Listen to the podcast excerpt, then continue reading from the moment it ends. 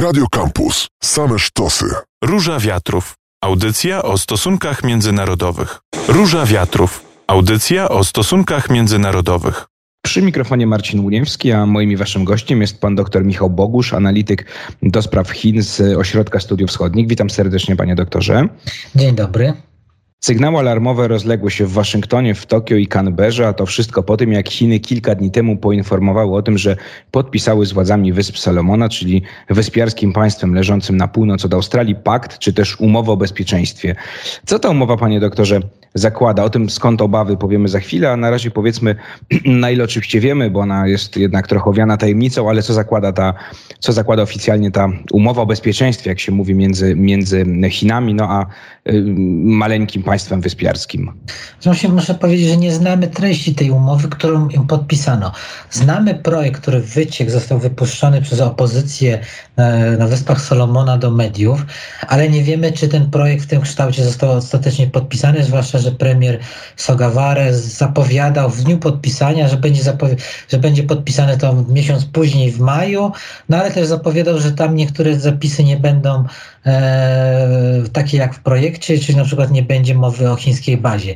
A właśnie ta umowa zakłada, że Chiny będą mogły rozmieścić pewne siły w celu ochrony bezpieczeństwa chińskiego personelu i głównych projektach, projektów na wyspie, e, że Wyspy Salomona mogą poprosić Chiny o wysłanie policji, uzbrojonej policji personelu wojskowego oraz innych sił porządkowych zbrojnych do tego kraju, gdyby zaszła taka potrzeba. No i że Chiny mogą wysłać okrętów w celu uzupełnienia zapasów logistycznych na Wyspach Salomona, także dokonywać postojów i przejść przez wody terytorialne, przez morze terytorialne e, tego państwa. To jest bardzo znaczące, e, ponieważ te wyspy są, mają małą powierzchnię obszarów lądowych, ale ponieważ one są rozsiane na, na dużej powierzchni. Ponad tysiąc wysp, prawda? Czy wysep tak, też? Bo... Wysepy, wysep, wysepek, nazywajmy to obszarami lądowymi mhm. fachowo. To pozwala, powoduje, że to państwo ma ogromne z kolei morze terytorialne. No i generalnie po, po państwo powinny Powinny, znaczy nie powinny.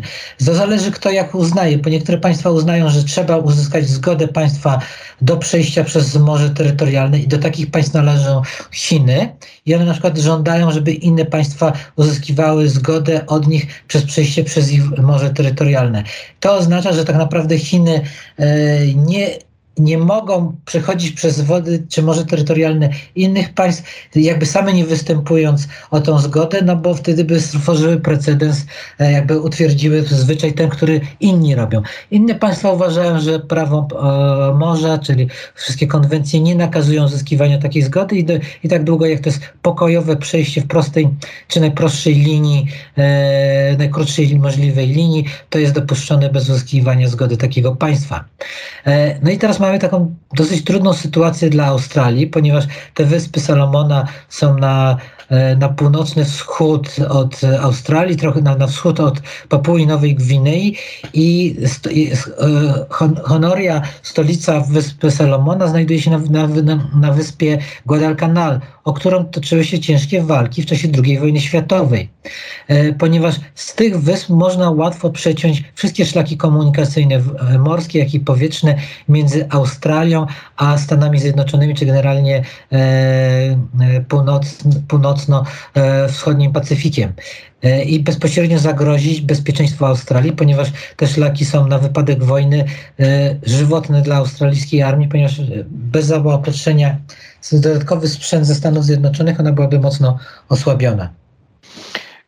W ostatnim czasie Wyspy Salomona odwiedził i wysoki przedstawiciel Stanów Zjednoczonych, i jeden z australijskich ministrów. E, dzisiaj odbyła się wizyta wiceministra spraw zagranicznych Japonii. Na wszystko to oczywiście właśnie w związku z tą e, umową Trochę pan już na to pytanie odpowiedział, panie doktorze, ale y, y, spróbujmy, spróbujmy, jeszcze to rozwinąć. Czemu ona budzi tak duże obawy? No nie tylko w Canberrze, w Australii, bo ona jest najbliżej, no ale także y, chociażby w Japonii czy, czy w Stanach Zjednoczonych. Czy to chodzi o to, że no oczywiście Chiny zdobędą przyczółek um, kolejny, też port, poza na przykład portem w Pireusie czy w Djibouti w ramach tej ekspansji, którą Chiny prowadzą na całym świecie, no czy też to może być taki niezatapialny lotniskowiec, jeśli tam by pojawiły się chińskie chińskie jednostki, no co w razie konfliktu jakiegokolwiek, no oczywiście powoduje, że Australia jest wystawiona na, na atak. Czy coś jeszcze z tego, co powiedziałem, czy, czy, czy... No właśnie, podsumujmy, skąd te obawy jeszcze, poza tym, co pan już też powiedział o szlakach handlowych chociażby. To jest kwestia Tajwanu.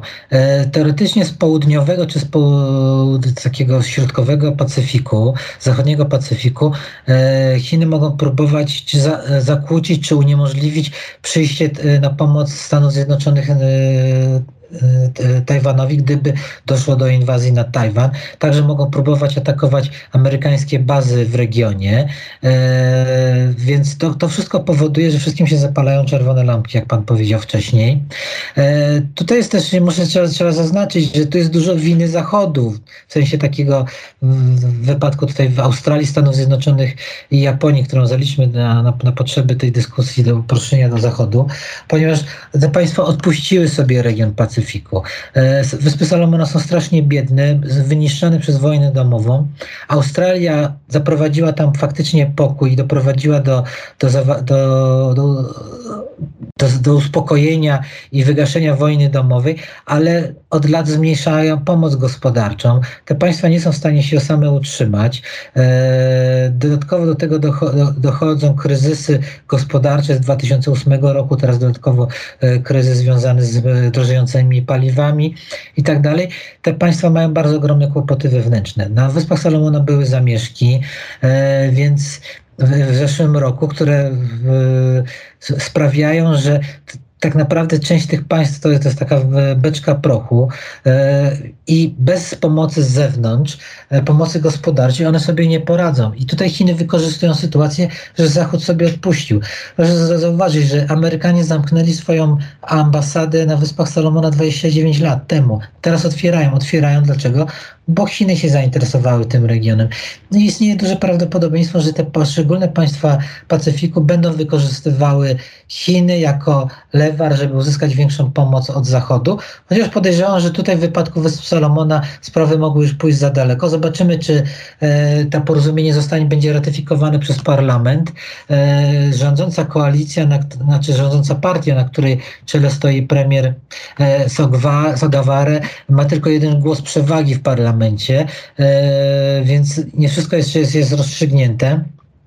Także inne państwa e, Pacyfiku, e, wrzeszone z takiej Radzie Pacyficznej, czy Radzie Państw Pacyficznych, naciskają na Wyspy Salomona, żeby nie, nie ratyfikowały tej umowy. Powiedzmy, panie doktorze, y, dokładnie, bo pan już troszkę zwrócił uwagę, że to kwestie ekonomiczne. Dlaczego władze Wysp Salomona tę umowę podpisały? Czy to jest tak, że Chiny mają jakieś wpływy mm, e, też e, polityczne, nacisk na polityków, czy tutaj raczej jednak kwestie faktycznie mm, e, ekonomiczne? Chiny, tak jak mają w zwyczaju już od pewnego czasu, no, zaoferowały wsparcie finansowe w postaci kredytów, w postaci inicjatywy pasa i szlaku. W ten sposób też uzależniają przecież od siebie państwa mm, regionu. No bo w końcu w przypadku przypadku jakiegokolwiek konfliktu, no wyspy stałyby się celem i uczestnikiem tego konfliktu, więc jest to też pewne ryzyko dla, dla, dla tego państwa. Więc skąd ta decyzja? Że tutaj jest przede wszystkim też jest kwestia tego, co się dzieje politycznie na Wyspach e, Salomona. To państwo wyszło, tak jak mówiłem wcześniej, z wojny domowej, e, ale nadal jest bardzo mocno podzielone, e, głównie linia po wzdłuż linii etnicznych, które przebiegają pomiędzy poszczególnymi wyspami. Guadalcanal, która, na której jest stolica, z której pochodzi bodajże Sogawary, obecny premier, nie jest najliczniejszą wyspą. Inne wyspy, na które są większe, mają większą większą populację, uważają, że z kolei mniejszość próbuje narzucać swoje rządy, wykorzystuje sytuację gospodarczą, e, żeby się bogacić kosztem innych. No, Pytanie, na ile to jest prawda, na ile po prostu wyspy są w ogóle e, pogrążone w kryzysie gospodarczym, to może na inną rozmowę. Ale nie zmienia to faktu, że z kolei Sogawary, który rządzi tam już od, od, od dawien dawna, bardzo by chciał utrzymać się u władzy. E, mimo tego, że no, regularnie wybuchają e, protesty. W zeszłym roku były doszło do zamieszek, kiedy e, protestujący spalili parlament i część chińskiej dzielnicy. E, to wszystko powoduje, że on raczej ma takie skłonności coraz bardziej autorytarne i próby narzucenia, utrzymania się przy władzy siłą. I bez pomocy Chińczyków, bez pomocy chińskiej możliwe, że policji, którą może, może, możemy podejrzewać, że może zakłada, że będzie musiał użyć, gdyby, nie, gdyby kolejne nadchodzące e, wybory mu się nie udały, to e, istnieje niebezpieczeństwo, że będzie po prostu próbował utrzymać się przy władzy za pomocą siły, a nikt inny mu nie dostarczy tej siły poza właśnie Chińczykami. A Chiny nie pytają o demokrację w państwach, z którymi współpracują, mm, tak jak robi Zachód y, często. Mm, Stany Zjednoczone stosownie odpowiedzą na ewentualne kroki Chin zmierzające do ustanowienia stałej obecności wojskowej na Wyspach Salomona. To jest cytat, tak oznajmił Biały Dom mm, w piątkowym komunikacie po wizycie amerykańskiej delegacji w tym kraju. W rozmowie z Guardianem z kolei jeden z wysokich amerykańskich y, urzędników nie wykluczył nawet operacji militarnej, gdyby faktycznie chińskie wojsko, chińskie okręty, chińskie samoloty pojawiły się się na Wyspach Salomona. Co mogą zrobić Stany Zjednoczone, Australia, panie doktorze? Czy faktycznie no, ta opcja militarna, rozumiem, jest jakąś tam ostatecznością, ale mm, e, czy będą jakieś próby wpływania politycznego, jakieś sankcje ekonomiczne, no właśnie, żeby przekonać wyspy, żeby tej umowy nie podpisać, znaczy umowę już podpisała, ale żeby właśnie ta umowa nie została ratyfikowana, jak pan powiedział, no albo nawet jeśli będzie ratyfiko ratyfikowana, no to żeby mm, e, nie doprowadziło to do powstania chińskiej bazy, na przykład stałej wojskowej. Czy nie wyobrażam sobie interwencji wojskowej, ponieważ byłoby to atak na suwerenne państwo E, w sytuacji, w której Rosja zaatakowała Ukrainę pod takim samym pretekstem kwestii bezpieczeństwa, jest to, nie, jest to nieprzekraczalna granica, której Stany Zjednoczone czy Australia nie dokona. Mogą za to wesprzeć politycznie, finansowo opozycję wewnątrz wysp e, Salomona, e, poszczególne mniejszości, które są większościami tak naprawdę z innych wysp i to doprowadzi do dalszej destabilizacji państwa i ewentualnego przejęcia władzy przez opozycję. Mogą też zaoferować bardzo porządną pomoc gospodarczą, e, czy to Sogaware, czy jego następcom. Mamy kasus z Samoa z zeszłego roku, kiedy doszło do e, wyborów e, i opozycja je wygrała i doszło do transferu władzy w sposób pokojowy. Tam były trochę perturbacji, no ale, ale do, do niego do, doszło, do, do zmiany władzy i nowe władze otrzymawszy pomoc, co ważne, bezzwrotną e, w postaci grantów na budowę nowego portu, rozwój infrastruktury od Japonii, e, zrezygnowały z chińskich inwestycji i tak naprawdę e, Chiny musiały się pożegnać z marzeniami na budowie bazy na, na Samoa. I Możliwe, że tutaj będzie podobny rozwój sytuacji, że po prostu porządna pomoc gospodarcza pozwoli z Wyspą Salomona zrezygnować z tej umowy, czy jej nie ratyfikować. Już pan trochę o tym powiedział, panie doktorze, ale czy możemy powiedzieć, że ta umowa to jest, jeśli ona zostanie ratyfikowana, to jest porażka Zachodów i przez Zachód oczywiście też rozumiem to Japonię, tak jak pan powiedział na, na użytek tej rozmowy, no w próbie w pewien sposób no, budowania takiego kordonu wokół, wokół, wokół e, Chin, żeby ta ekspansja chińska w regionie Azji i Pacyfiku nie postępowała. W Australii padają takie oskarżenia, Partia Pracy oskarża premiera Morrisona, że to jest największa porażka, porażka australijskiej polityki zagranicznej od czasów II wojny światowej. Czy temu można było zapobiec? No właśnie wspierając um, Wyspy Salomona szybciej czy bardziej niż Chiny? Moim zdaniem tak, jest to porażka. Jeżeli do tego dojdzie, to to będzie porażka. No może nie jest, to nie, jest, nie będzie duża porażka. Pamiętajmy, że taka, e, taki nie, nie, niby niezatapialny lotniskowiec ma z kolei tą wadę, że nie jest w stanie się ruszać, więc wszyscy wiedzą, gdzie on jest i wysłanie tam dużej ilości rakiet e, zlikwiduje tak, taki niezatapialny lotniskowiec w miarę szybko. E, więc istnieje pewne zagrożenie w związku z tą bazą i z obecnością chińską na, w tym regionie. E, jest to na pewno porażka przede wszystkim polityczna e, dla, dla Zachodu. E, zobaczymy, jak się będzie sytuacja rozwijała. Wydaje się, że przyszło jakieś otrzeźwienie. Amerykanie chcą otwierać swoją ambasadę na nowo. Negocjują już odnowienie takiego specjalnego umowy o, o wolnym stowarzyszeniu z, z wyspami Marszala, E, Mikronezją i Palau. To są inne wyspy regionu, mhm. które są bardzo ważne dla, e, dla, dla, strategicznego, e, dla strategicznej obecności Amerykanów. Więc te, te rozmowy zostały, jakby wystartowały na nowo. One były zaniedbane przez administrację Trumpa, który tak naprawdę ich nie, nie prowadził, mimo tego, że, że w, najbliższym, w przyszłym i w kolejnym roku wygasają kolejne umowy, a bez nich Amerykanie stracą możliwość przechodzenia i pływania w tym regionie. E, więc zobaczymy, co się będzie działo, ale wydaje się, że Amerykanie, nie, nie ich sojuszniczy się obudzili. E, Japończycy dzisiaj byli na, wiceminister japoński był na, na Wyspach Skolity Salomona też, tak jak pan powiedział wcześniej, czyli to jest oznaka, że ich aktywacji. Oni mają też specjalny program pomocowy, który jest bardzo atrakcyjny, jest tak skonstruowany, żeby być E, bezpieczniejszą, bezpieczniejszą dla odbiorców, e, alternatywą wobec chińskich e, pożyczek, ponieważ one są, są głównie oparte na grantach, bezwrotnych grantach, które umożliwiają, nie, jakby nie pogłębiają zadłużenia tych państw, które w większości są już mocno, mocno zadłużone w wyniku kryzysu 2008 roku i późniejszych perturbacji gospodarczych związanych chociażby z pandemią i odpływem turystów.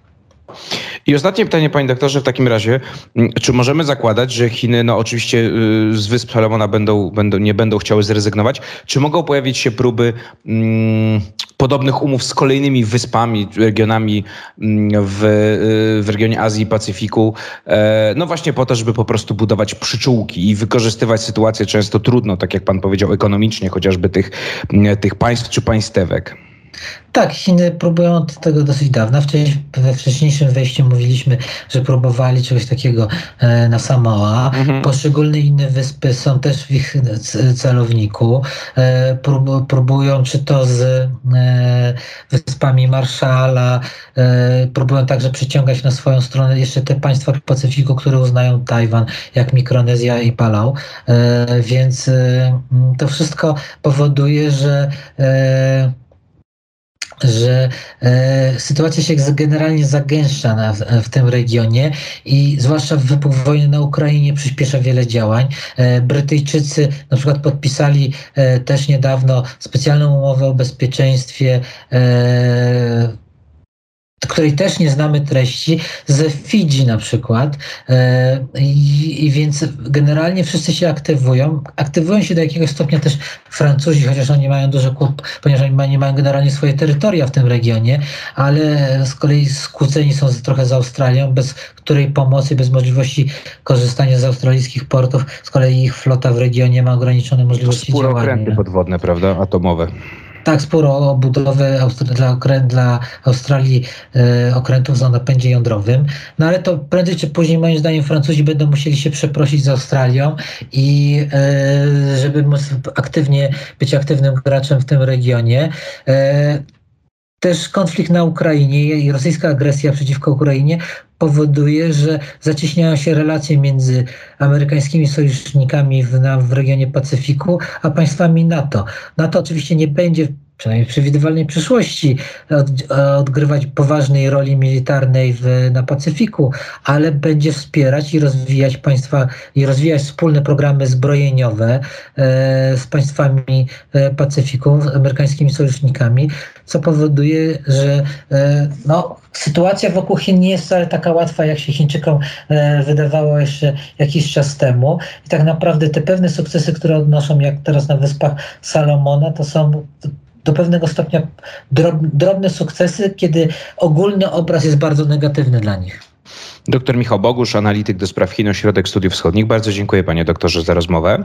Dziękuję za zaproszenie. To była Róża Wiatrów, ja się nazywam Marcin Uniewski, a my się słyszymy wyjątkowo nie za tydzień, tylko za dwa tygodnie w Radio Campus. Radio Campus. Same sztosy.